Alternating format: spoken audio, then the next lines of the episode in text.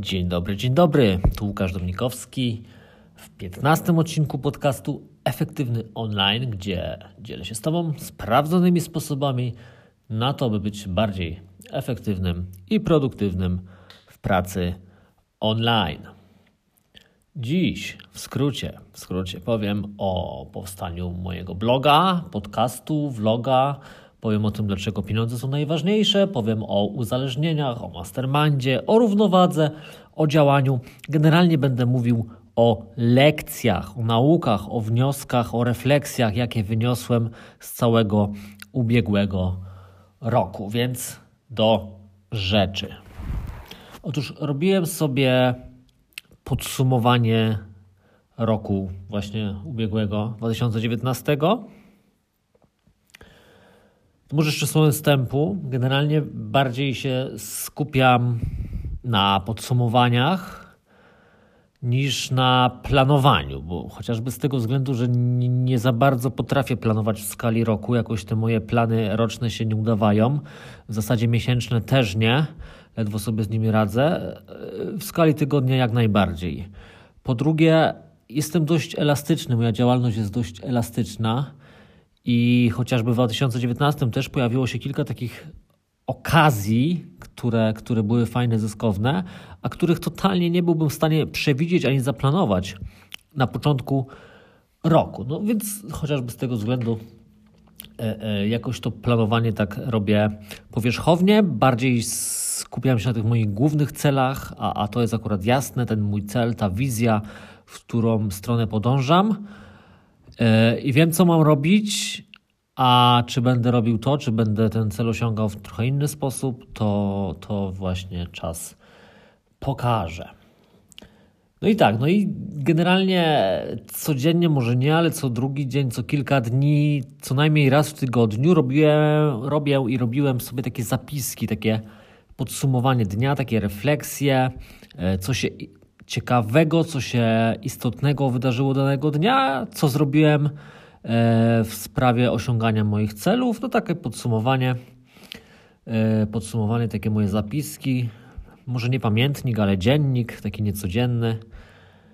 No i tak to było. No i jednym z zadań mm, na podsumowanie roku 2019 było właśnie przegląd tych notatek. No, było ich bardzo, bardzo dużo, jednak kilka kilometrów scrollowania, żeby całość przejrzeć.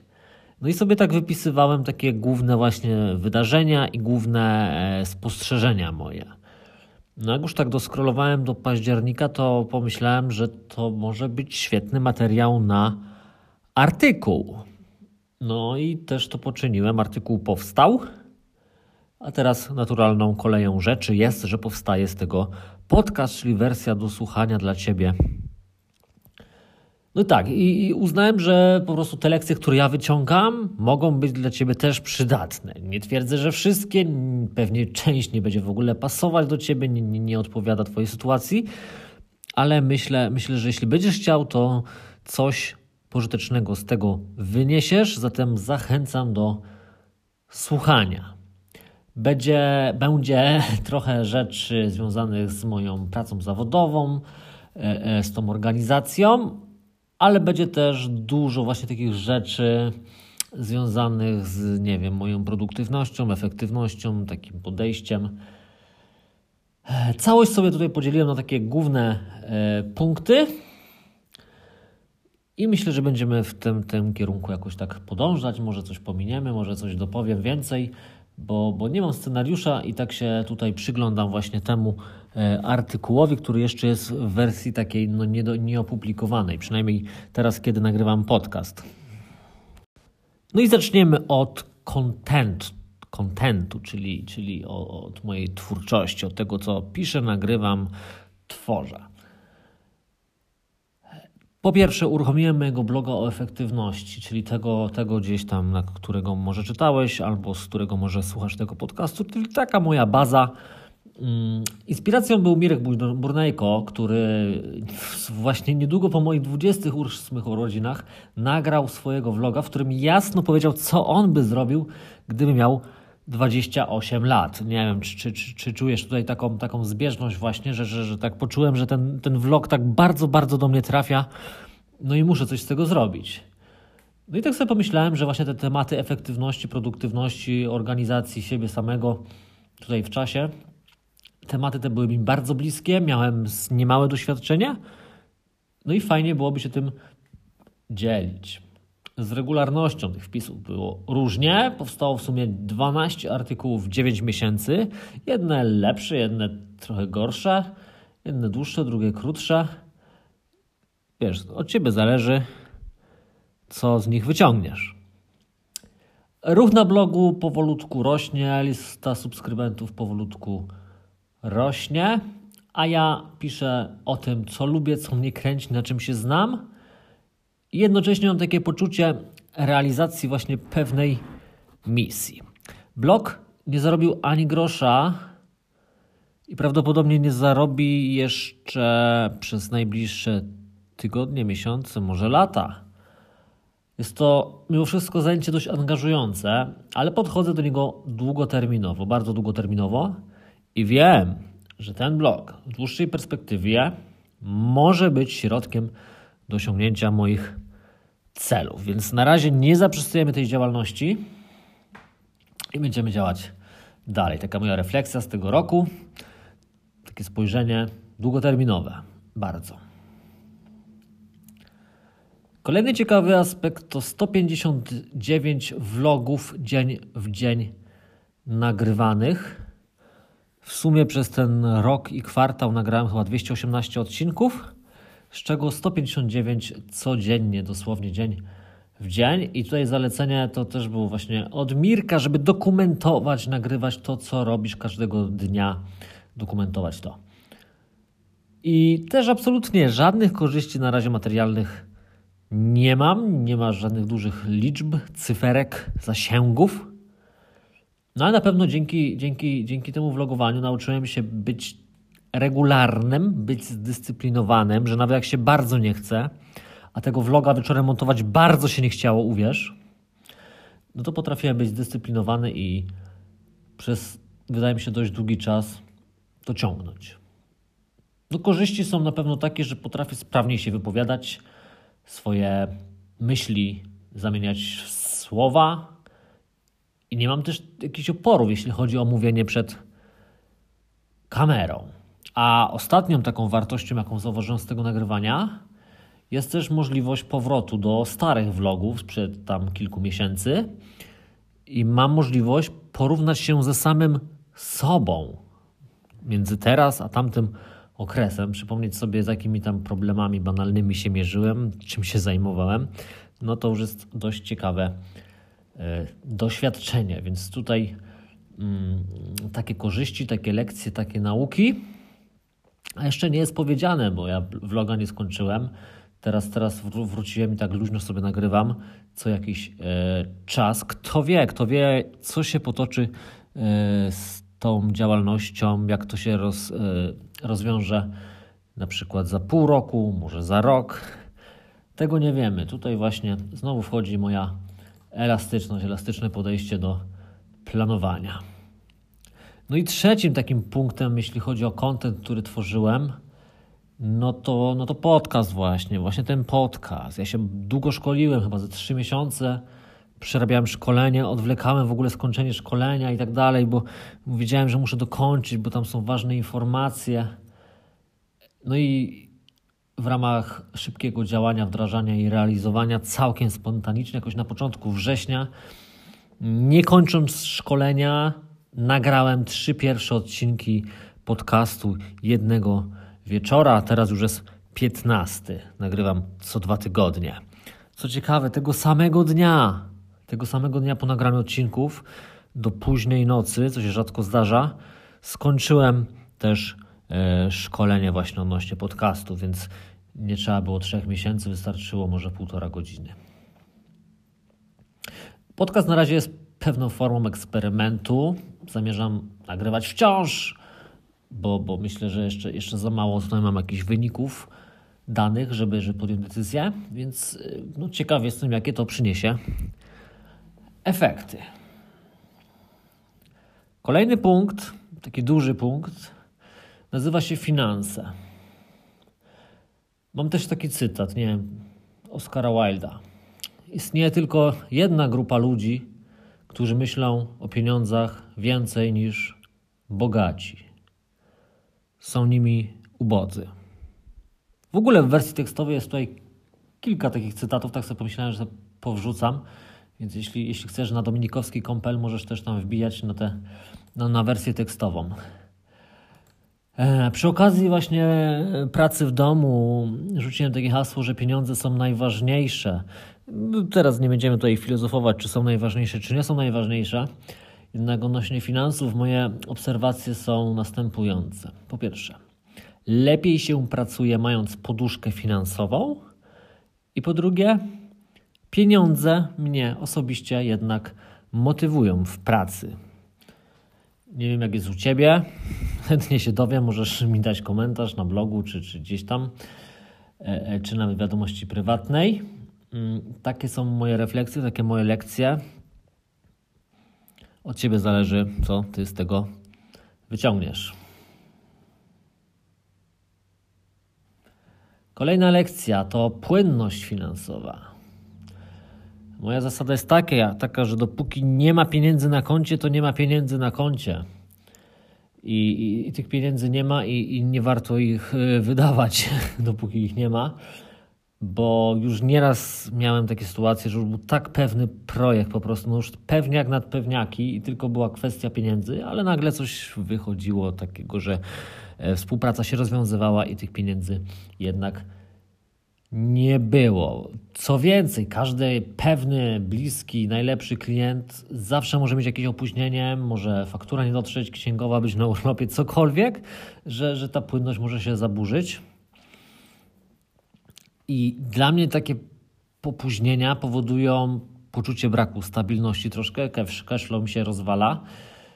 I, I taki stan, stan niepewności odbija się też na innych obszarach życia, w tym na efektywności w pracy. No i moja tutaj refleksja, żeby wyeliminować jakichś takich problematycznych klientów, żeby możliwie zminimalizować wszelkie opóźnienia w płatności co najmniej, no i wciąż pracować nad poduszką finansową oczywiście.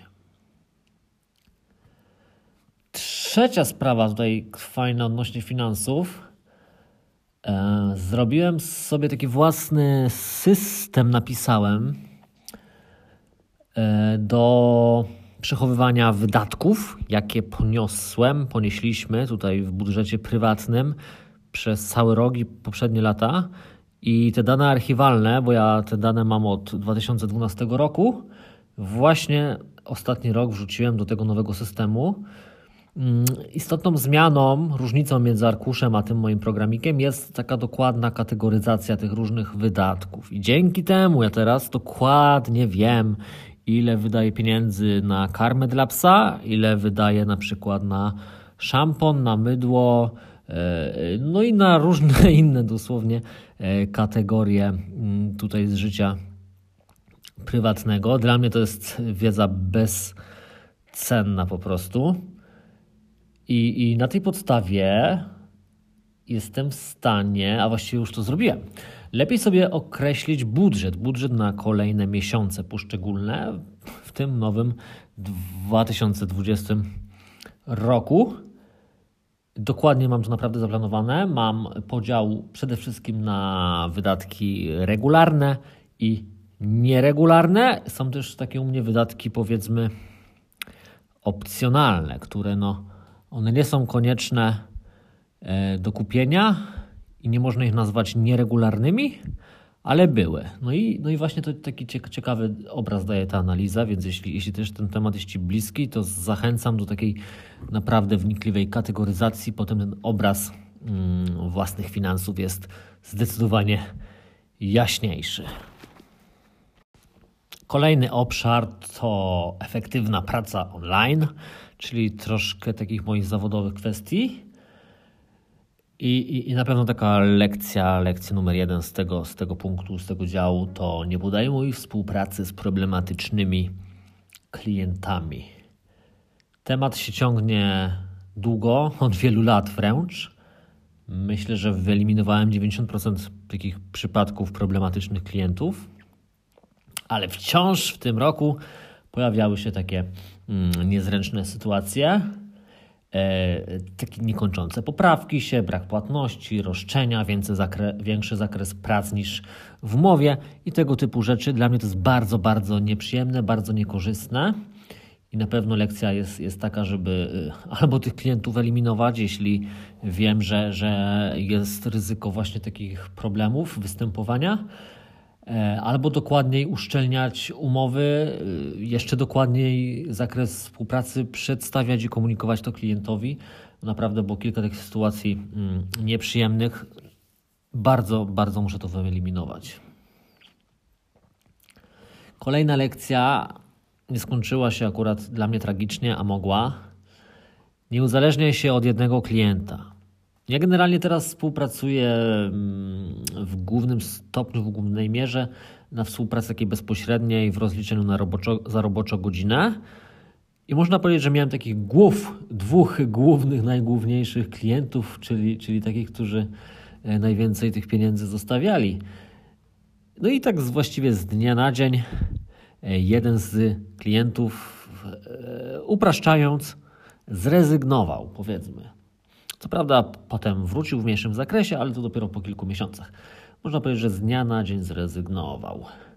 Ja podszedłem na spokojnie do tego mm, i, i zasoby, zasoby moje przyniosłem na pozostałych klientów, więc to się właśnie dlatego nie odbiło na mnie jakoś negatywnie, a mogło, mogło, mogło.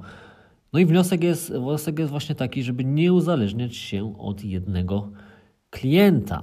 Do rozważenia jest też dywersyfikacja źródeł dochodów. Wiem, że to nie jest łatwe, jeszcze nie wiem jak to ugryźć, ale, ale ten kierunek będziemy na pewno rozwijać.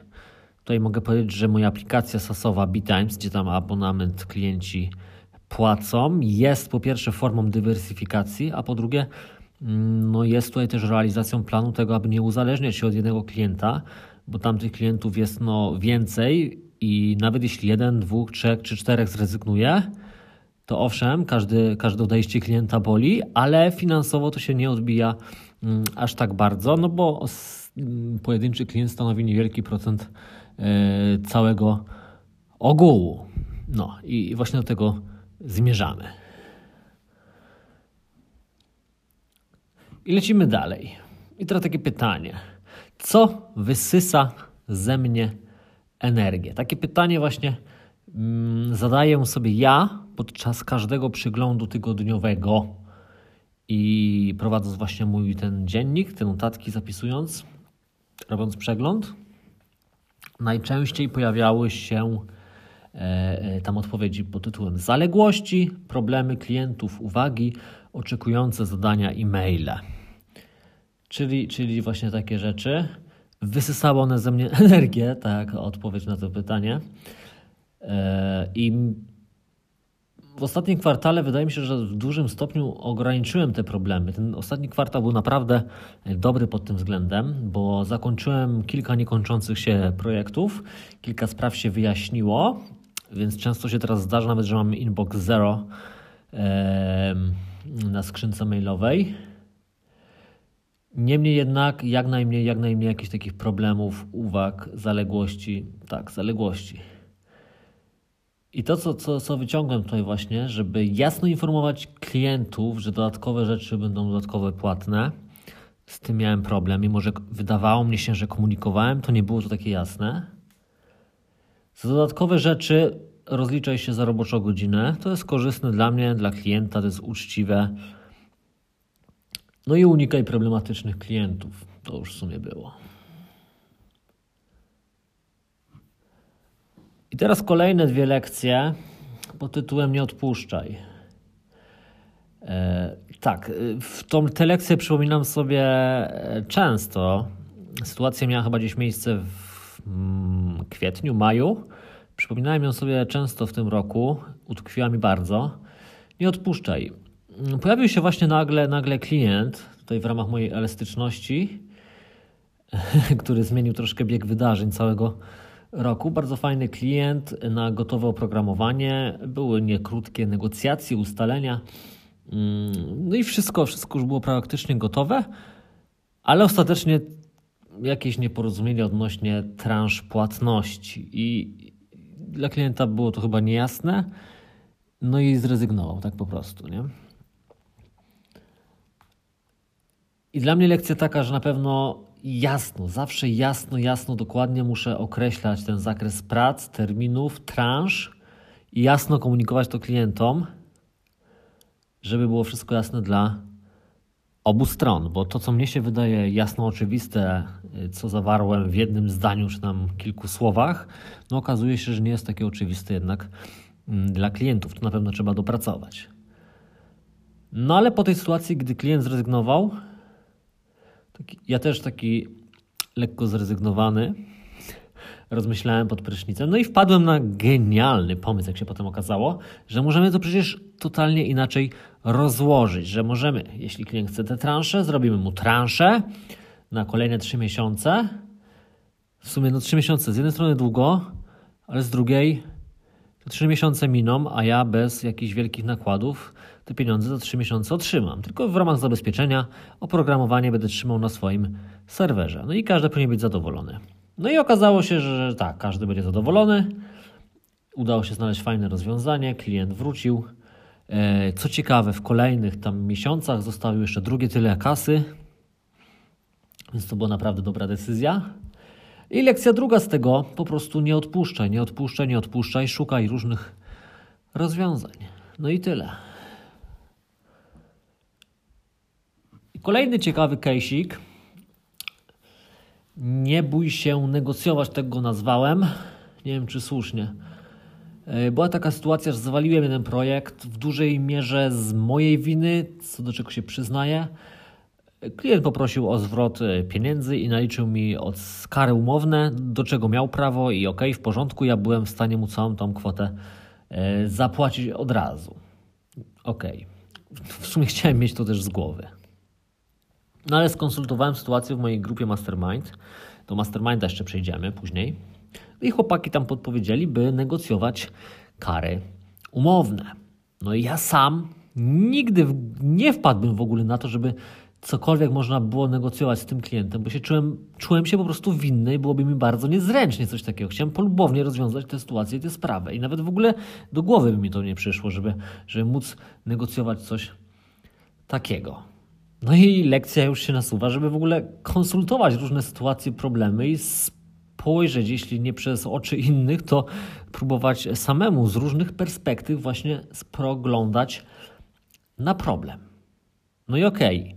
gdy już wiedziałem, co mam zrobić, że mam napisać, wciąż miałem opory, wielkie opory przed napisaniem maila, bo to nie chodziło o rozmowę, nie chodziło o spotkanie, tylko przed napisaniem maila miałem opory w ogóle. Bardzo niekomfortowo się czułem. Czułem się no, w pewnym stopniu winny i, i niezręcznie było mi negocjować. No ale jednak wysłałem tego maila. Klient zgodził się znacząco obniżyć kary umowne. No jakby nie patrzeć, bezpośredni zysk w postaci czystych pieniędzy. Lekcja druga z tego wynikająca: pieprzyć strach i poczucie winy. W ogóle kwestia strachu to też jest bardzo głęboki temat, który ja też pogłębiam. Próbuję nad tym pracować. Chyba wspomnimy o tym jeszcze później. Kolejna lekcja. Dąż do efektów. To taka moja obserwacja. Nie wiem, czy masz podobnie. Jeśli masz podobnie, to też możesz wyciągnąć z tego lekcję właśnie i coś zmienić w tym kolejnym roku, w tych kolejnych dniach abym ja działał skutecznie, systematycznie i żebym miał radość z tego, co robię, ja po prostu lubię widzieć efekty tego, co robię. I czasem to są efekty w postaci wzrastającej na przykład aplikacji, czy powstającej strony, czy czegokolwiek, co tam robię. No a często, nawet może częściej, są to efekty w postaci po prostu pieniędzy, wynagrodzenia za to, co robię. Więc, żebym ja mógł działać skutecznie, spokojnie, i byłbym, żebym był zadowolony, to właśnie lubię widzieć te efekty i, i będę robił co tylko mogę, żeby właśnie takich projektów się trzymać.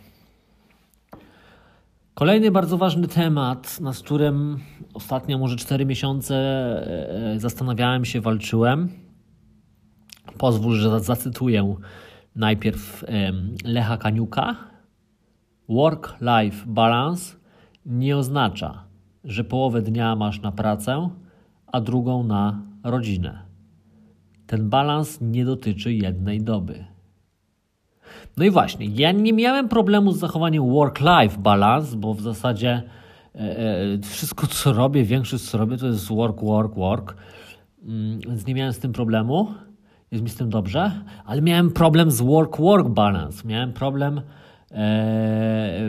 z zachowaniem równowagi między projektami klientów, zleceniami klientów, a własnymi aktywnościami, których też jest niemało. Jeśli na przykład skupiałem się na projekcie klienta, no to nie potrafiłem potem zająć się już pisaniem bloga. Jeśli robiłem na przykład jakieś nowe funkcjonalności u siebie, no to musiałem odpuścić w tym okresie tematy klientów i taki problemik miałem. E, co zaobserwowałem właśnie? Co zaobserwowałem właśnie, że nie jestem też w stanie zachować tej równowagi w skali jednego dnia. Bo jeśli na przykład zajmuję się projektem klienta, no to cisnę projekt klienta, robię wszystko, żeby skończyć jakiś tam ten etap, jakiś modulik, żeby był tego efekt i wolę na przykład cały dzień poświęcić na tą jedną, jedyną rzecz, a dopiero kolejnego dnia zająć się na przykład pisaniem artykułu.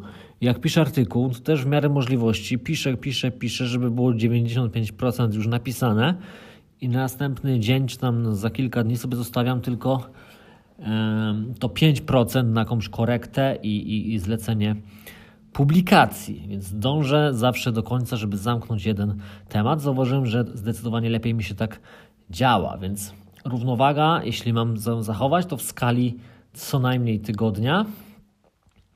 Jeszcze nie wiem, jak to dokładnie u mnie się sprawdzi, wdrożenie tego, ale widzę to tak, że sobie jakieś tam dni tak bardziej sztywno wyznaczę właśnie na własne tematy. Zobaczymy. Nie wiem, jeśli masz podobny problem, może też zamiast próbować na siłę robić codziennie jakieś małe kroczki każdego dnia, to jednak lepiej zrobić kilkadziesiąt małych kroczków w jednym temacie jednego dnia, a następnego dnia kilkadziesiąt kroczków w innym temacie. Dalej delegowanie, moje obserwacje z delegowania.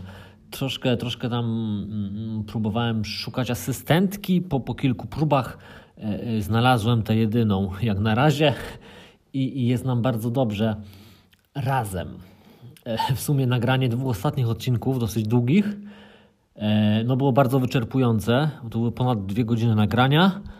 Potem już totalnie bolała mnie głowa, bolało mnie gardło, nie mogłem mówić, już byłem totalnie wyczerpany. Jednak to co ważne, e, po kliknięciu przycisku stop na telefonie, bo ja nagrywam na telefon, moja rola w tym procesie nagrywania i publikacji już się skończyła. Wszystko dalej po prostu poszło do asystentki, ona zajęła się całą resztą, do mnie już nic nie należało. No i tak z podcastem, tak jeszcze z innymi wieloma tematami mi pomaga, odciąża mnie od tych właśnie obrzydliwych, trudnych zadań, których ja nie lubię robić i które nie przynoszą jakoś tak bezpośrednio jakiegoś zysku, jakiejś wartości. Więc chciałbym jeszcze więcej, jeszcze więcej w tym roku delegować, co tylko się da w zasadzie, a sam skupić się na tym, w czym jestem powiedzmy niezastępowalny. No i co da bezpośrednio najwięcej pieniędzy, bo też mi się wydaje, że lepiej, żebym ja się skupił na tym, co ma u mnie największą stawkę godzinową, co mi da najwięcej pieniędzy i nawet jeśli miałbym zapłacić potem za jakieś drobniejsze rzeczy, to i tak e, e, w bilansie finansowym to będzie bardziej opłacalne. Chyba musimy się troszkę, troszkę z, przyspieszyć, bo, bo, bo jest już dobre pół godziny, a, a, a chyba jeszcze nie jesteśmy w połowie. No ja co prawda osobiście lubię słuchać długich, bardzo długich podcastów, ale no generalnie trendy są troszkę inne, więc nie chciałbym chociażby poza ten godzinę wychodzić. Okej, okay, do rzeczy, do rzeczy. Mm, kolejny punkt, szybkie działanie. Szybkie działanie. Zaobserwowałem, że jestem gościem właśnie, który bardzo, bardzo, bardzo lubi planować i czasem chyba nawet za bardzo, za długo i za często. Łapię się też na, na takich e, e, przypadkach, gdzie wpisuję sobie zadanie do Nozbi, a jego realizacja zajęłaby mniej, mniej niż minutę, więc e, no, no bez sensu. No lepiej, lepiej działać niż, niż coś takiego wpisywać, planować gdzieś tam. E, e, doświadczałem też właśnie w tym roku pozytywnych skutków takiego szybkiego, natychmiastowego działania, bez, bez zbędnego planowania, bez zastanawiania się. Chociażby dzięki temu ruszyłem właśnie w końcu z tym podcastem, o czym wspominałem. Przygotowałem landing page dla CRMA. To też, też taka była akcja spontaniczna, a przyniosła fajne efekty. Na przykład uruchomiłem one-time offer na blogu. Tych przykładów było naprawdę no może nie aż ogromnie dużo, ale było ich więcej, było dużo. E, I, I tak, i co najważniejsze, przynosiły fajne efekty, takie działanie natychmiastowe efekty przynosi. I, I to mi się lubi, to mi się podoba. Podsumowując, w tym roku zaplanowałem sobie, by mniej planować, więcej działać i to od razu działać. O, i jeszcze bardzo ciekawy temat. Skupiaj się na tu i teraz.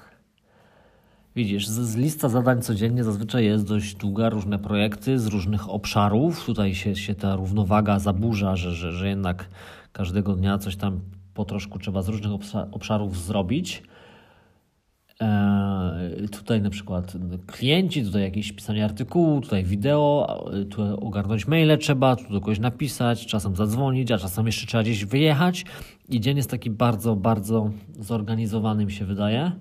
I bardzo nie lubię takich dni. Nie lubię takich dni, gdzie mm, jest tych rzeczy tak dużo zaplanowane, bo, bo zasiadając rano do jednego zadania, myślami bardzo już wybiegam w przyszłość, do kolejnych zadań, do kolejnych godzin, do kolejnych rzeczy do zrobienia i to jest bardzo stresujące i bardzo ograniczające mnie. I bardzo trudno jest tego nie robić, przynajmniej w moim odczuciu teraz. Mój cel, moja lekcja na 2020, żeby skupiać się na tu i teraz, tylko na tej jednej, jedynej rzeczy w danym momencie, to jakby reszta nie miała znaczenia, przynajmniej w tej chwili. Wiem, że to będzie trudne, ale wiem, że też, że nad tym muszę pracować, bo to może przynieść dobre efekty.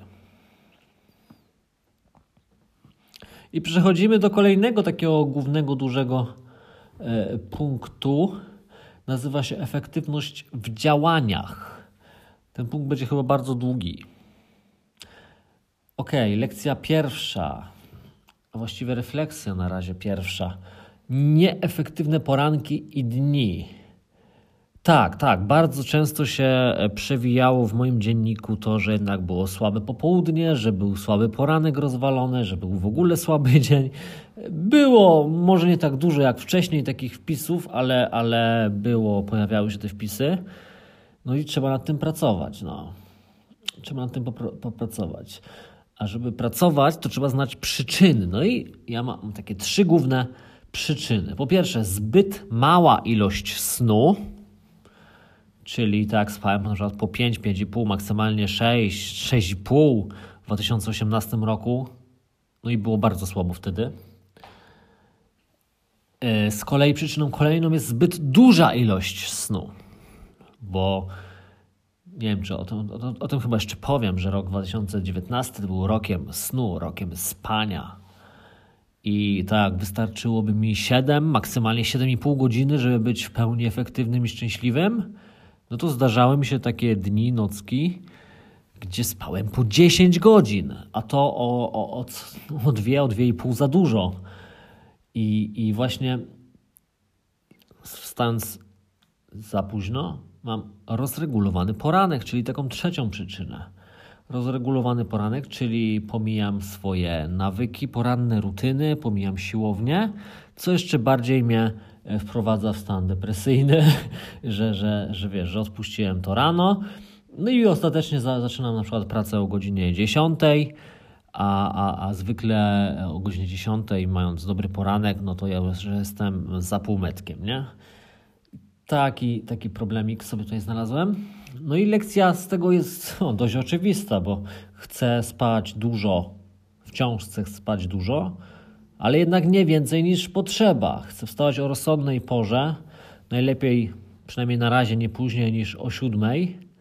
Ha, gdy to nagrywam jest trzeci, 3 stycznia 2020 i ja od 7 dni praktykuję właśnie tutaj już troszkę te moje lekcje, te nawyki zaczynam wdrażać.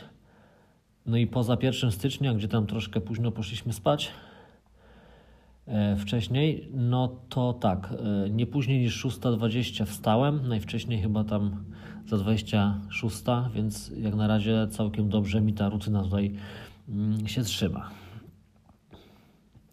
No i kolejna taka refleksja z moich notatek to zmarnowane popołudnie. Już nie tyle poranki, co popołudnie, jako oddzielny tutaj punkt jest zrobiony. A to oznacza, że poranki w takich dniach były najpewniej, no przynajmniej w porządku, ale dopiero po tej przerwie obiadowej zrobiło się trochę gorzej. Generalnie obserwuję coś takiego, że po posiłku takim porządnym tracę trochę tej energii. Jestem taki przymulony, najlepiej jakbym mógł się iść zdrzemnąć spać. Taka moja obserwacja. Jeszcze nie wiem, jak rozwiązać to, żeby być lepszym e, po południu, w południem, ale, ale na pewno mam tą obserwację gdzieś z tyłu głowy i, i będę się tego tutaj trzymał. Ha, i teraz, teraz, w opozycji do tych poprzednich dwóch punktów, jest punkt pod tytułem Nie było słabego dnia w tygodniu, w skali tygodnia. Zdarzały się całe tygodnie siedmiodniowe czy sześciodniowe, gdzie naprawdę nie było słabego dnia. Takiego dnia, gdzie chociażby rano czy po południu było słabo, albo cały dzień był słaby.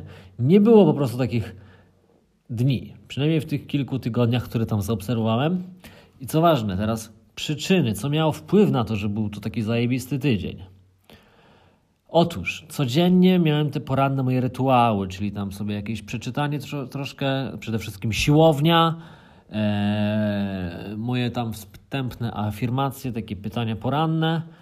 No, siłownia myślę, że to jest najważniejsza, żeby troszkę. Że, nie tyle chodzi o to, żeby fizycznie coś porobić, tylko mentalnie się do tego zmusić. To było chyba najważniejsze. Punkt drugi to odpowiednio dużo snu, jeśli było mm, w tym tygodniu. To też cały tydzień się dobrze udawał. I brak nadmiernego przeciążenia w ciągu dnia, czyli właśnie, że potrafiłem nie przemęczyć się i skończyć o takiej rozsądnej porze, 18 czy czasem 17 się zdarzyło. I potem mieć czas na jakiś offline właśnie, żeby się nie przemęczyć. I wtedy tydzień jest idealny i będę pracował nad takimi tygodniami. No i dobra, znowu skrajna sytuacja. Były takie dni zombie. Nie było ich wiele, nie było ich wiele, ale były takie dni zombie, czyli to takie, są takie dni, kiedy, przynajmniej ja je tak nazywam, zapożyczyłem to od pani swojego czasu. Są takie dni, gdzie to totalnie, jak już jestem przegrany, jestem przegrany po prostu i choćbym próbował, na siłę zmuszał się, robił nie wiadomo co, to nie jestem w stanie zrobić nic produktywnego i po prostu trzeba przeczekać taki dzień, albo, albo nie wiem, iść na spacer, gdzieś się przejechać, próbować robić coś offline, choć to też nie wychodzi. Przeczekanie jest tutaj najlepszym rozwiązaniem. I ja już, ja już po prostu wiem, kiedy rano taki dzień przychodzi, gdzie tam jest, są jakieś próby, jakieś próby i, i po 4 godzinach prób siedzenia przed komputerem nic totalnie nie zrobiłem i jest jeszcze gorzej, no to wtedy ja po prostu muszę odpuścić. Taka moja lekcja bo szkoda czasu, że ja po prostu siedział przed tym komputerem. Lepiej odpuścić, dać sobie pozwolenie na robienie nic, a wtedy e, mogą się pojawić jakieś okazje do zrobienia czegoś mimo wszystko pożytecznego. No dobra, i chyba najważniejszy punkt, najważniejszy punkt to popraw jakość snu. Bo właśnie sen, jakość snu, ilość snu to jest najważniejsza rzecz, jaką zmieniłem, dokonałem e, e, w 2019. I ta rzecz, ta zmiana miała właśnie największy wpływ na moją efektywność. Więc to jest bardzo, bardzo ważne. Zrobiłem, zrobiłem wiele i wciąż zamierzam przynajmniej to kontynuować, a i też ulepszać. I tutaj kilka punktów, kilka rad wskazówek, jakie też możesz prawdopodobnie zastosować. Po pierwsze, śpię dłużej, co najmniej tyle, ile czuję, że potrzebuję, a to jest właśnie 7, 7,5, 8 godzin. E, punkt drugi, totalny brak światła w sypialni. Zamontowałem taką e, roletę zaciemniającą 100%, więc e, w nocy mam naprawdę tak ciemno, że nie jestem w stanie zobaczyć ręki przed mm, nosem, jeśli tą rękę tam wystawię. O to właśnie chodzi. Wtedy ta jakość snu zauważalnie się poprawia. Punkt trzeci, nie korzystam, no może nie zawsze, ale w większości przypadków staram się bardzo nie korzystać E, z komputera czy telefonu przed snem bezpośrednio, żeby się tam nie wpatrywać, nie naświetlać tym światłem niebieskim i nie przemęczać. Kolejny punkt to daję sobie chwilę wyciszenia przed snem, właśnie od urządzeń elektronicznych, od bodźców. E, ostatnimi czasy to, to jest czas na czytanie, a czasem po prostu wystarczy cokolwiek, żeby porobić offline, albo nie robić nic, albo sobie obejrzeć film. I, i, i to jest też fajne takie wyciszenie przed snem. Punkt kolejny to ograniczam niebieskie światło poprzez noszenie okularów takich pomarańczowych. Pewnie gdzieś tam mm, na zdjęciach mogłeś widzieć, jeśli mnie obserwujesz. Okulary te blokują niebieskie światło. E, dzięki temu no, troszkę pomagają regulować ten rytm mm, dobowy. Muszę powiedzieć, że efekt jest zauważalny. Jeśli sobie ponoszę takie 2-3 godzinki przed snem, mm, odczuwam, że ta jakość snu jest lepsza i też co ważne, łatwiej mi się tak przyjemniej, od razu mi się dobrze zasypia. No i jeszcze jedna sprawa, ale to już zacząłem chyba wcześniej. Aplikacja Sleep Cycle, która analizuje mi sen, jakość snu i co ważne, wybudza mnie w płytkiej fazie snu o poranku. No, to są takie kilka punktów do wdrożenia przez Ciebie. Jeszcze dziś możesz coś zrobić, zastosować i poprawić tym samym jakość swojego życia i potem efektywność w pracy. No i znowu skrajnie przechodzimy do punktu pod tytułem kryzys. W poprzednich latach obserwowałem właśnie, że gdzieś tak na początku i wiosny, i taką późną jesienią w życiu moim osobistym, jak i zawodowym taki dołek się pojawia, taki głęboki czarny dołek. I tracę wtedy chęć do robienia czegokolwiek, nie potrafię być twórczy, podważam moje decyzje, podważam moje cele, no i tracę generalnie sens. I to jest taki niby krótki, ale jednak długi czas, bardzo zły czas. I w tym czwartym kwartale tego roku, 19, mm, bardzo, bardzo, ale to bardzo zapierałem się rękami, nogami, żeby tylko nie wpaść w ten dołek. O dziwo udało się. I nie mam pojęcia, co jest przyczyną tego stanu, choć słyszałem, że nie tylko ja tak mam, jakieś nie wiem, przesilenia czy coś takiego. No, na razie to są niewyjaśnione kwestie. Z kolei też nie wiem dlaczego, co mi pomogło tej jesieni, że w ten dołek nie wpadłem. No ale starałem się.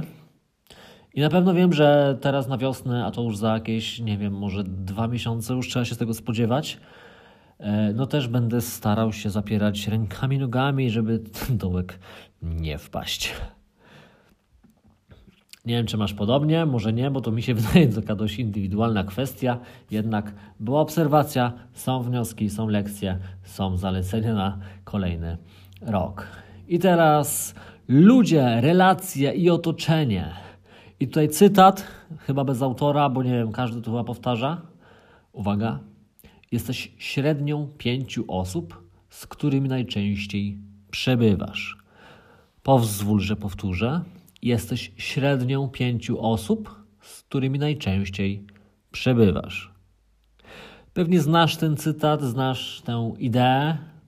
Ja też uznałem dosyć dawno, ale dopiero no teraz w końcówce tego roku ona zaczęła mi bardzo być bliska zacząłem odczuwać właśnie jakąś potrzebę z może zmiany otoczenia, usprawnienia tego, wprowadzenia jakichś zmian po prostu. Więc na pewno w tym roku kolejnym, tym 20, e, e, będę nad tym tutaj zaleceniem pracował. Mam, mam kilka wytycznych, jak to zrobić. Jakie będą efekty, to się okaże. No ale generalnie e, punkt ludzie, relacje, otoczenie nie tylko jest o, o, o, zmianie otoczenia, ale też docenieniu tego, co mamy i na przykład spotkania z ludźmi. I nie mówię o jakichś spotkaniach na konferencjach, czy spotkaniach gdzieś tam typowo biznesowych, ale o takie relacje rodzinne ze znajomymi I co mnie też dziwiło, jednak czytając notatki, no było ich bardzo dużo. Jakoś w pamięci może nie wszystkie zostały, ale było ich bardzo dużo i niektóre z relacji zostały odnowione, inne podtrzymane. I to była fajna, fajna wartość. Myślę, że chociażby ten poziom, żeby utrzymać w tym nowym roku, to by było super taka refleksja ode mnie. No i dalej też bardzo ciekawe tutaj spostrzeżenie, bo gdyby porównać się y, z, ze mną z tą sytuacją z, z 2018 roku, no to, no to nikt mnie nie zaprosił do żadnego live'a czy podcastu. A na przykład w 2019 było, były już cztery takie zaproszenia. Byłem u szamana marketingu na live, byłem u Agaty Nesteruk na live i w podcaście u Pawła Kępy, w podcaście u Agnieszki Zawiskiej. To, to masz cztery takie zaproszenia, wystąpienia. No, porównując z zerem z tamtego za, za przeszłego roku, no to jest wzrost spory, prawda? I co ciekawe, tutaj live u szamana, ten pierwszy, on chyba w styczniu był, e, zainspirował mnie właśnie do robienia własnej serii live'ów na fejsie. No i tak właśnie chyba tam styczeń, luty zrobiłem około 10 takich transmisji na żywo na Facebooku na temat tam około marketingowe. E, no może nie miałem jakiejś dużej publiczności na żywo, ale tu fajne, fajne bardzo doświadczenia dla mnie na pewno. No i te live'y potem też żyły swoim życiem jeszcze pozostając gdzieś tam na profilu. Konferencje i spotkania. To jest też punkt, który pomoże mi w pewnym stopniu e, w realizacji punktu odnośnie zmiany otoczenia. Otóż w 19 byłem na pięciu, z tego co widzę, takich, takich wyjazdach, spotkaniach. To było spotkanie z Jackiem Wiśniowskim w Łodzi, Influencer Live w Poznaniu, Percaster w Poznaniu, potem kolejny Percaster w Poznaniu, i WordCamp w Łodzi. W sumie dopiero teraz zauważyłem, że to były trzy spotkania w Poznaniu i dwa w Łodzi. No to e, pod względem geograficznym trochę słabo, ale to było jednak pięć całkiem wartościowych spotkań i na ten rok kolejny mam już konkretny plan takich konferencji, spotkań, na których, w których chcę wziąć udział, to po pierwsze, a po drugie chcę podejść do tego bardzo strategicznie, bardziej strategicznie. Marcin Osman w swojej książce biznes ci ucieka, między innymi, bo w wideo też gdzieś tam mówi właśnie jak podejść do takich konferencji, spotkań strategicznie.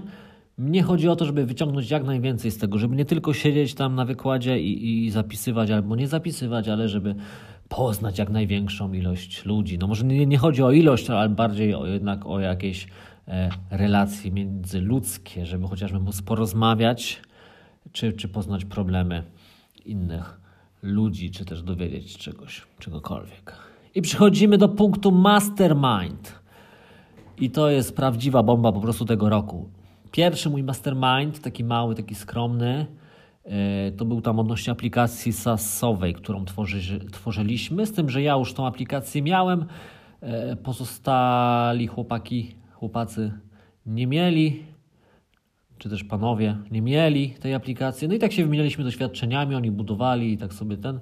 No i opuściłem w końcu tę, grupę tam z pewnych przyczyn. Ale równolegle od początku września chyba dołączyłem do takiej grupy, e, e, którą, którą, którą zorganizował Tomek. E, bardzo się starał, bardzo dobrze dobrał, zrekrutował tutaj uczestników. I jesteśmy co prawda wszyscy z branży IT, ale mamy takie inne spojrzenie na różne problemy. I w ogóle no, ta grupa no, to jest prawdziwa bomba tego roku, bo no, no ogromna wartość dla mnie.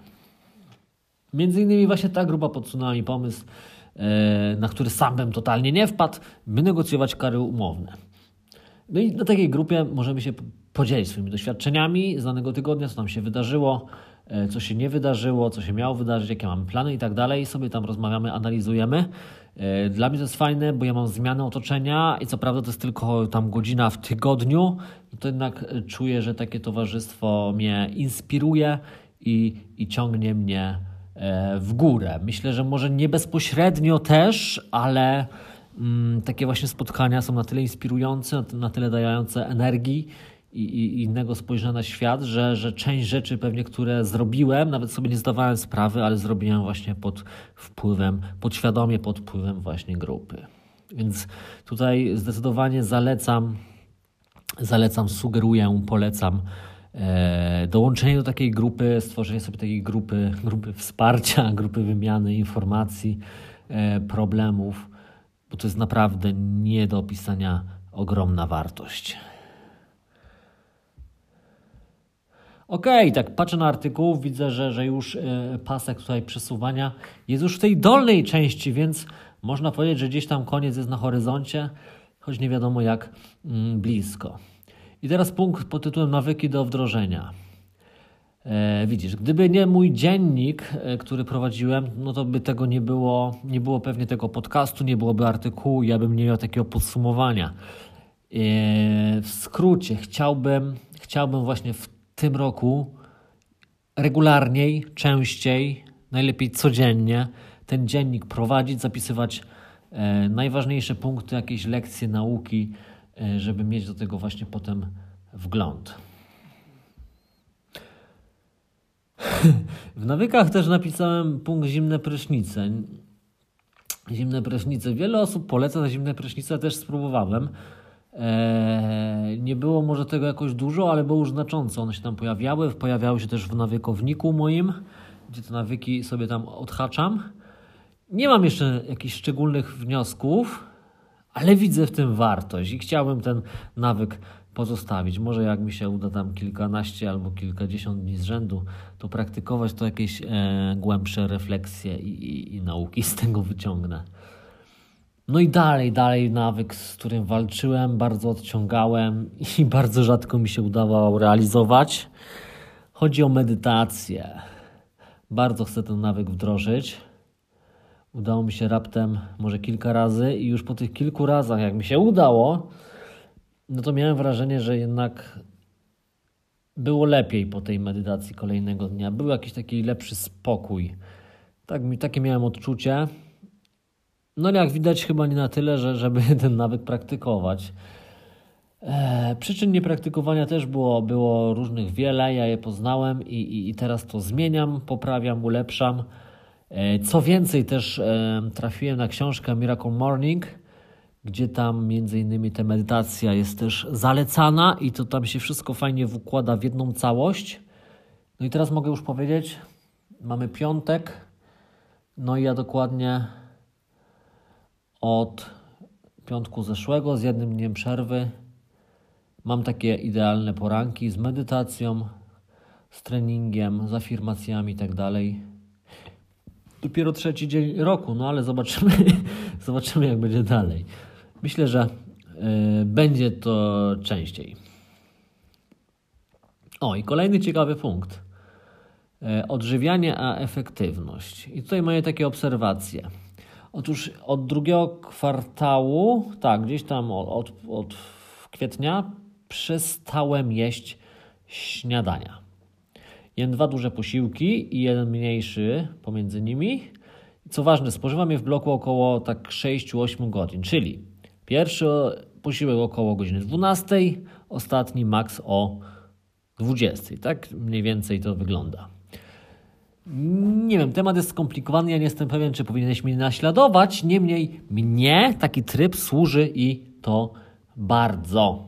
Na pewno będę kontynuował na razie to, ale będę też eksperymentował z innymi rozwiązaniami. Jednym z nich na pewno jest e, post, post trzydniowy, czy tam 36-godzinny, coś koło tego, żeby coś takiego spraktykować.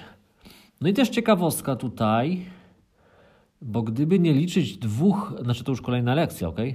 Gdyby nie liczyć dwóch epizodów mięsnych pod tytułem Pizza Mięsna, no to cały czwarty kwartał 2019 roku jestem wegetarianinem. I też mi to służy bardzo, bardzo mi to służy. No, na pewno pozostaje, pozostaje, żeby to już nie przyciągać, pozostaje w tym trybie, bo mi to służy i eksperymentował z innymi różnymi tutaj rzeczami też będę. I kolejna bardzo ważna lekcja: nie jedz cukru z rana, najlepiej nie jedz w ogóle cukru. jak nie jadłem tego śniadania, czasem zdarzyło się, że, że miałem takie napady właśnie, e, właśnie cukrowe z rana i, i, i jak już dokonałem tego spożycia, to potem był nagły skok energii, potem zaspokojenie głodu, wszystko było fajnie, a potem dołek totalny i, i dzień rozwalony. Znaczy generalnie historia moich doświadczeń cukrowych jest e, dość długa, mógłbym dużo o tym mówić i pisać, ale mm, po jakichś trzech latach, jakieś trzy, dwa i pół roku chyba bez cukru byłem. Totalnie nie jadłem jakichś takich sztucznych tych wyrobów. A rok 2019 był właśnie wyjątkiem, gdzie dałem sobie takie przyzwolenie na jedzenie tego cukru i jadłem różne te ciastka, ciasta, takie obrzydliwe rzeczy. A bardzo tego nie chciałem. Mimo wszystko. Tylko nie podjąłem decyzji właśnie, że nie będę tego jadł tak te trzy lata wcześniej, tylko takie miałem jakieś jednak przyzwolenie. No i całkiem przypadkiem to wyszło, ale tutaj uwaga, deklaracja publiczna. Nagrywamy to w podcaście. To co, to, co jest nagrane, to już się nie da odegrać, więc od 28 grudnia 2019 roku nie spożywam ja to czytam. Nie, spożywam sztucznych wyrobów składających się głównie z cukru, w szczególności ciastek, czekolad, cukierków, ciast, batonów i tym podobnych. Tak, teraz sobie postanowiłem, znaczy teraz, 28 sobie postanowiłem, że nie będę spożywał tych wyrobów. Wiem, że może za dwa tygodnie być trudno, bardzo ciężko, ale jest postanowione i nie będę tego gówna jadł. Kolejny punkt. Nazwałem go permanentny rozwój osobisty, czyli PRO. To wziąłem z heksagonu szczęścia od Fryderyka Karzełka. On tak też nazwał jeden obszar życia. No tak, rozwój osobisty, tak zwany, e, tak, jest dość istotny tutaj w moim życiu. Widzę, że im więcej wiem, im więcej się uczę, tym więcej okazji się pojawia i moja też samoświadomość rośnie, rośnie i w ogóle wszystko staje się lepsze nagle i, i bardziej lepiej rozumiem świat. I to jest dla mnie bardzo ważny obszar. Chociaż mam też takie tutaj obserwacje ostatnio, że rozwój osobisty sam w sobie no, niewiele może ci przynieść, nie? ale gdy ten rozwój, tą wiedzę zaczniesz wdrażać do osiągnięcia jakichś swoich celów, no to wtedy zaczyna to mieć jeszcze większy sens. No ale tutaj nie, nie, nie podważamy na razie sensu rozwijania się, nauki, wydaje mi się, że to jest e, naturalne, oczywiste. I moja najważniejsza taka obserwacja to, co nam daje, to, co mnie daje ogromny zwrot z inwestycji, i to nie jest punkt w dziale finanse, tylko właśnie w rozwoju. Najlepszy zwrot z inwestycji daje mi właśnie inwestycja w wiedzę. Wiele osób powtarzało to od dawna gdzieś tam na różnych wideo, w książkach i tak dalej, by inwestować w siebie. No ale trzeba do pewnych rzeczy dojrzeć, żeby je zrozumieć. Ja tam jeszcze rok temu tak podchodziłem do tego spokojnie, ale teraz to zrozumiałem, bo za zacząłem zauważać właśnie rezultaty tego, że wdrażana wiedza przynosi efekty. I na chwilę obecną mogę powiedzieć, że oprócz inwestycji w biznes nic nie daje mnie takich zwrotów, jak inwestycja w wiedzę, naukę, rozwój. I mam wypisanych kilka konkretnych, a może nawet więcej niż kilka konkretnych przypadków, gdzie ta wiedza moja zdobyta bezpośrednio przełożyła się na e, wyniki i to głównie finansowe. Nawet taka wdrożenie jednej jakiejś tam pozornie drobnej rzeczy z książki za 50-60 zł może przynieść kilka tysięcy złotych czystego zysku w perspektywie kilku miesięcy. I to jest niesamowite dla mnie teraz. I na pewno w tym roku bez jakichś większych wyrzutów sumienia będę robił przelewy w zamian za książki, szkolenia, konferencje. No i oczywiście będę wdrażał. Wdrażał to, co się dowiaduję. O, i bardzo ciekawy punkt teraz. Kwartał z książką. Na początku 2019 sobie wymyśliłem, że przeczytam 20 książek. To aż o 8 więcej niż w tamtym 2018, więc no, tak sobie wymyśliłem. I pierwszy kwartał szedł aż za dobrze, bo do końca marca przeczytałem 6 książek, a potem co się stało, to no, długo, długo, długo, długo nic, absolutnie nic nie przeczytałem.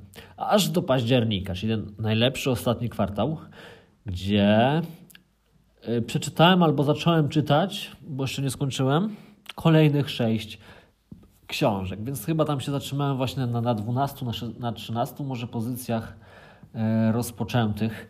W ogóle lista moja, moja książek, jakich czytam, jakie planuję przeczytać, jakie przeczytałem, jest też na blogu E, tam na dole jest zakładka lista książek, więc też możesz sobie to śledzić, jeśli szukasz może jakichś inspirujących pozycji. No i tak, no i w tym ostatnim kwartale nie da się ukryć, przeczytałem sporo, ale co właśnie ważne, o czym mówiłem przed chwilą, jeszcze więcej niż przeczytałem, wdrażałem. Naprawdę robiłem dużo notatek, dużo notatek zaznaczałem, bezpośrednio te notatki przenosiłem potem do notatnika mojego tutaj cyfrowego, ja już tam fizycznie to nie piszę, już, już za bardzo nie, nie pamiętam, jak, jak to się pisze długopisem, e, więc wolę tutaj elektroniczne te, te, te mm, formy. E, tak, więc przepisywałem to potem e, i na przykład z tej wiedzy robiłem konkretne to-do do wdrożenia, do zastosowania.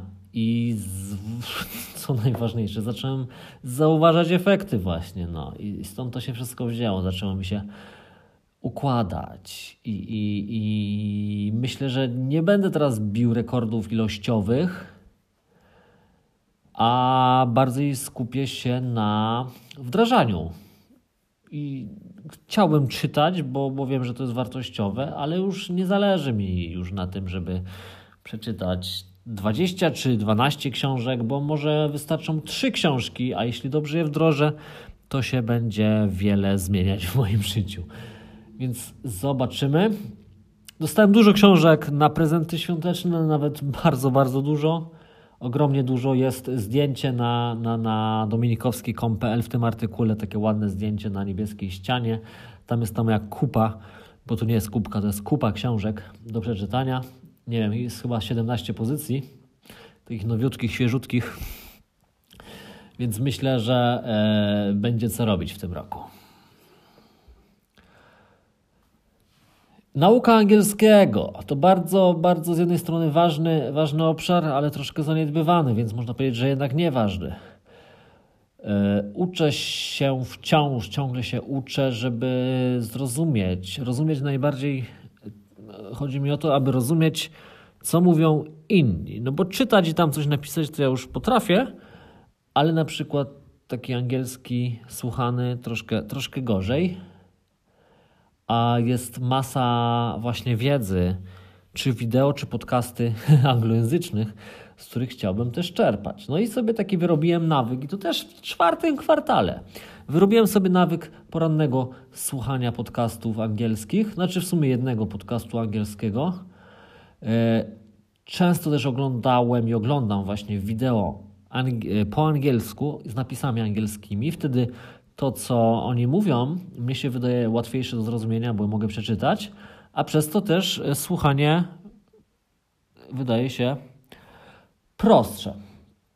No i zdarza mi się też częściej czytać różne artykuły e, po angielsku.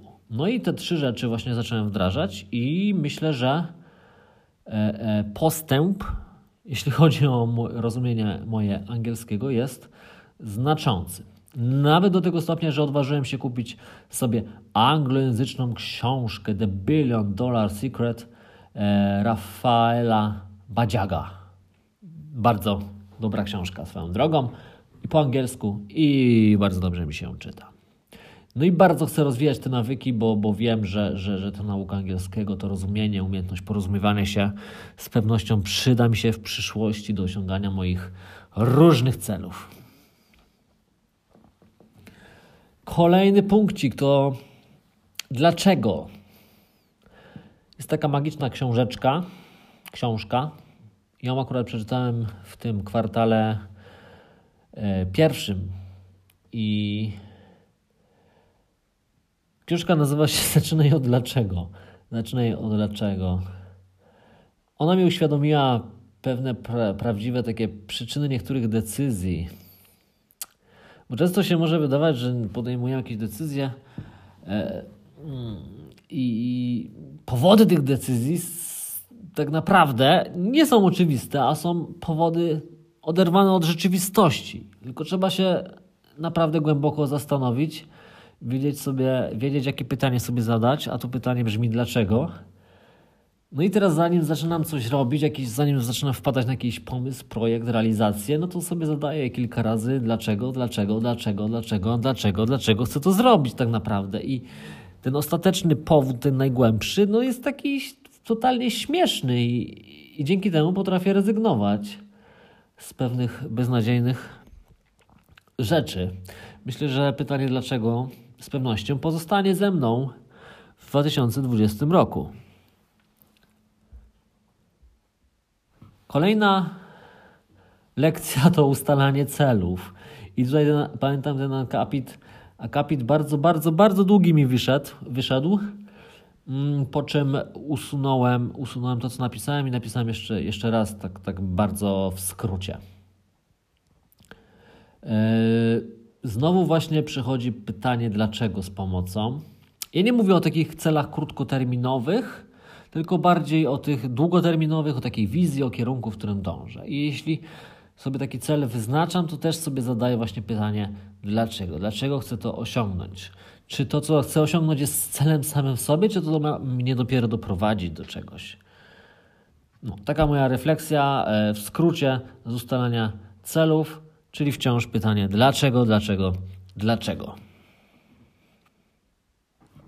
Kolejny punkcik, mówiłem o nim chyba przy okazji ostatniego odcinka podcastu. Nie wiem, czy pamiętasz.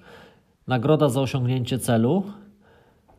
Generalnie w 2019 już to wdrożyłem i, i za styczeń e, też zrealizowałem pewne cele i miałem sobie kupić nagrodę. Tej nagrody e, no nie kupiłem. Potem kupiłem nagrodę, ale w innych okolicznościach więc nie można zaliczyć, że to nagroda. I dopiero potem mm, w listopadzie sobie pozwoliłem na taką nagrodę, że jeśli zarobię tam x złotych w tydzień, to sobie kupię słuchawki fajne, bezprzewodowe. No i ten cel akurat osiągnąłem po czterech dniach. Była, była motywacja fajna, e, była determinacja do działania.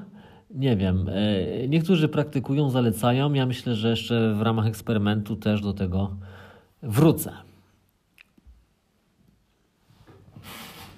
Lecimy dalej. Na początku roku właśnie też czytałem książkę Tenex Granta Cardone.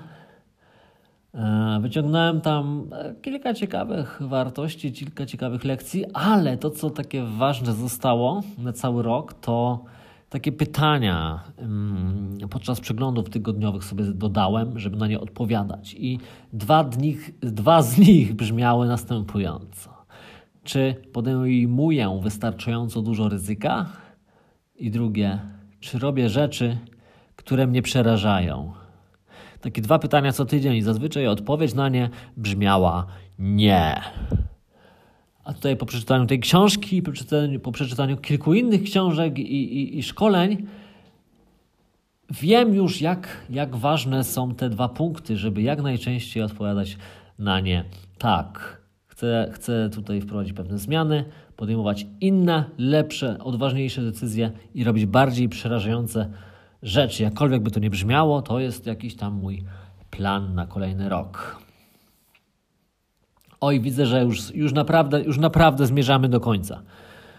Kolejny punkt. Ekstremalna droga krzyżowa. Nie wiem, czy słyszałeś o takiej inicjatywie. E, na blogu na dominikowski.pl jest link, gdzie można poczytać o co chodzi. Chodzi o to, że to jest 40 km do przebycia w nocy, po ciemku, w milczeniu. Jest 14 stopni, bo to jest droga krzyżowa. No i miałem okazję wziąć udział w takim wydarzeniu właśnie. No i moje obserwacje takie, że chyba nigdy nie miałem tyle czasu na włas dla własnych myśli, na, na przemyślenia właśnie. I w zasadzie po 200 kilometrach miałem już wrażenie, że już chyba wszystko myślałem, co tylko się dało. No i, no i przestałem. Ale ten wymiar taki, taki myślowy, to, to tutaj to jedna sprawa. Kolejna sprawa no to taka, że po 30 kilometrach zaczął się taki lekki kryzys i on się pogłębiał. Prawa noga nie chciała iść, gdzieś tam ból w kolanie i w biodrze e, e, e, no sprawiał, że, że w tych ostatnich 5 kilometrach to przerwę robiłem już co 100 metrów, po prostu musiałem usiąść i dać odpocząć nodze. Ostatnie dwa kilometry były już nie do przejścia, a to tylko przejście, to, to nie był maraton, to było po prostu przejście, to nie był jakiś wyścig. No, to może też świadczyć o mojej kondycji fizycznej. Ale tutaj, co ważne, no, mm, ta sytuacja mi się przypominała wiele razy w roku, bo tak naprawdę to wszystko było w głowie. To czy ja to przejdę, czy to nie przejdę. Gdybym musiał, albo gdybym chciał, to pewnie i bym kolejne 10 kilometrów jeszcze przeszedł z tą bolącą nogą. Wszystko jest w głowie i, i właśnie przypominam sobie ten ostatnie 2 kilometry do celu, gdzie już naprawdę bardzo mi się nie chciało, a jednak się udało. To jest taka fajna, fajna myśl, takie fajne doświadczenie. Mimo, mimo, że założenie miało być doświadczeniem duchowym, też było, ale dla mnie było takim trochę fizycznym, że jednak, że jednak można. I mam też na ręce, na ręce opaskę, noszę ją codziennie. Opaskę oficjalną, tutaj ładnie e, była w pakiecie i tam jest napis warto żyć ekstremalnie. I tak sobie czasem z refleksją na nią spoglądam. Ok, i chyba przedostatni punkt. Bardzo, bardzo ważny, bardzo otwierający oczy. Uwaga. Daj sobie pozwolenie na mniej wstydu, na robienie nierozsądnych rzeczy. Uczestniczyłem w takim, znaczy uczestniczyłem to może za dużo, po prostu słuchałem takich lekcji od Rafała Mazura z zeniaskiniowca.pl i to szkolonko, to audio uświadomiło mi, że wstyd i strach w naszym życiu, myślę, że w naszym, a w moim na pewno, są bardzo, bardzo, bardzo paraliżujące. Jest to w zasadzie główna przyczyna osiągania różnych rzeczy, celów i tak. I zmiana na pewno jest trudna, będzie trudna, ona wciąż trwa. I, i tutaj takie podsumowanie, podsumowanie właśnie y, kilka, kilka tych lekcji w takich jedny, jednych liniach. Daj sobie pozwolenie na cokolwiek, na cokolwiek, co chcesz zrobić. Jeśli coś cię powstrzymuje z jakichś przyczyn, to pewnie to jest strach albo wstyd, więc daj sobie pozwolenie na to. Znaczy ja sobie daję, no to nie, nie wiem, to nie musisz, no taka lekcja ode mnie. I tutaj dobre hasło, chyba mogę powiedzieć, bo już w sumie opublikowałem. Bezwstydnie kocham i podziwiam siebie. To jest takie hasło, które z założenia należy sobie codziennie mówić, powtarzać, najlepiej przed lustrem. Dalej kwestionuje programowanie społeczne, czyli wszelkie przyjęte różne wzorce społeczne, czyli ktoś, co, coś, co ktoś sobie ustalił, że tak musi być, a to wcale tak nie musi być. Więc kwestionuje programowanie społeczne, a właściwie kwestionuje wszystko, co z góry narzucone. Temat jest trudny, ale jeśli, jeśli miałbyś okazję sobie to szkolenie Rafała posłuchać, to, to pewnie zrozumiesz. To, co jest dla mnie pewne i takim otworzyło mi oczy, że, że jednak ten strach i wstyd mm, są właśnie główną przyczyną nieosiągania wielu rzeczy i są bardzo paraliżujące. O, mówiłem, że już niedługo. I na koniec mamy szczęście i przypadki. To właśnie tutaj odnośnie też tej mojej edukacji, tego mojego rozwoju, tego czytania, słuchania. Po prostu przestaję wierzyć, jeśli tak można powiedzieć, w tak zwane szczęście i przypadki. Ktoś mówi, że to było przypadkiem, że przypadkowo zrobił coś tam, trafił na coś, albo że miał szczęście, że ktoś miał szczęście, że osiągnął coś tam. A mnie się właśnie wydaje, że im więcej wiem, im więcej robię, im więcej potrafię, tym więcej tych różnych okazji się pojawia. I to, co powszechnie nazywane jest szczęściem czy przypadkiem, to według mnie zdaje się być wynikiem właśnie ciężkiej pracy. I tymi słowami, z tymi słowami, z tą ostatnią refleksją, dość pozytywną, chyba Cię zostawię. Mniej więcej y, masz tutaj jakieś 44 lekcje, moje takie refleksje z całego takiego roku. E, no pewnie nie wszystkie, ale może trzy, może dwie, może tylko jedna gdzieś jest z Tobą tożsama. Prawdopodobnie masz podobny problem, mierzysz się z nim, e, więc ja tutaj w pewnym sensie, jak na tacy, dałem Ci jakąś refleksję do wdrożenia.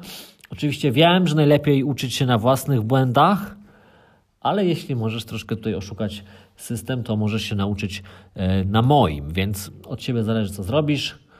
Rusz dupę i, i zmień, zmień coś, zastosuj coś, yy, bo tylko wtedy będą jakieś widoczne efekty, a tak to zmarnowałeś godzinę swojego życia na słuchanie mojego podcastu, albo ponad godzinę, nie wiem ile wyszło. Okej, okay, no i, no i jeszcze, jeszcze tutaj słowem zakończenia, podsumowania. Przypominam, że wersja tekstowa tego, tego podsumowania mojego jest na blogu dominikowski.pl. Tam możesz sobie poczytać to. Tam są też załączone mm, odcinki mego vloga, niektóre podcasty pokazane. Tam jest dużo zdjęć bardzo fajnych, u, które też y, obrazują całe to podsumowanie. E, co ważne, też na blogu dominikowski.pl możesz pobrać e-book, gdzie dzielę się tam z Tobą czterema, a w zasadzie ich jest trochę więcej, sposobami, które według mnie miały największy wpływ na moją efektywność w pracy i nie tylko. Więc za, zalecam, e-book jest darmowy, możesz sobie pobrać, poczytać i powdrażać. No i cóż, i na koniec proszę, proszę jeszcze, mm, jeśli uważasz, że ta wiedza, którą Ci przekazałem była wartościowa, jeśli mój podcast jest dla Ciebie wartościowy, to y, jak najbardziej śmiało dodaj ocenę w iTunes. Eee, no bo dzięki temu ja tam będę gdzieś wyżej w rankingach i to będzie dla mnie wartościowe też. No i, i zasubskrybuj mój kanał, podcast, mój podcast, zasubskrybuj w swojej aplikacji podcastowej do słuchania, a wtedy będziesz na bieżąco wszystkie odcinki e, otrzymywał, a ja zamierzam co dwa tygodnie mm, nagrywać, publikować, więc dlaczego nie? Okej, okay, tyle ode mnie, nie przedłużam. Słyszymy się za dwa tygodnie.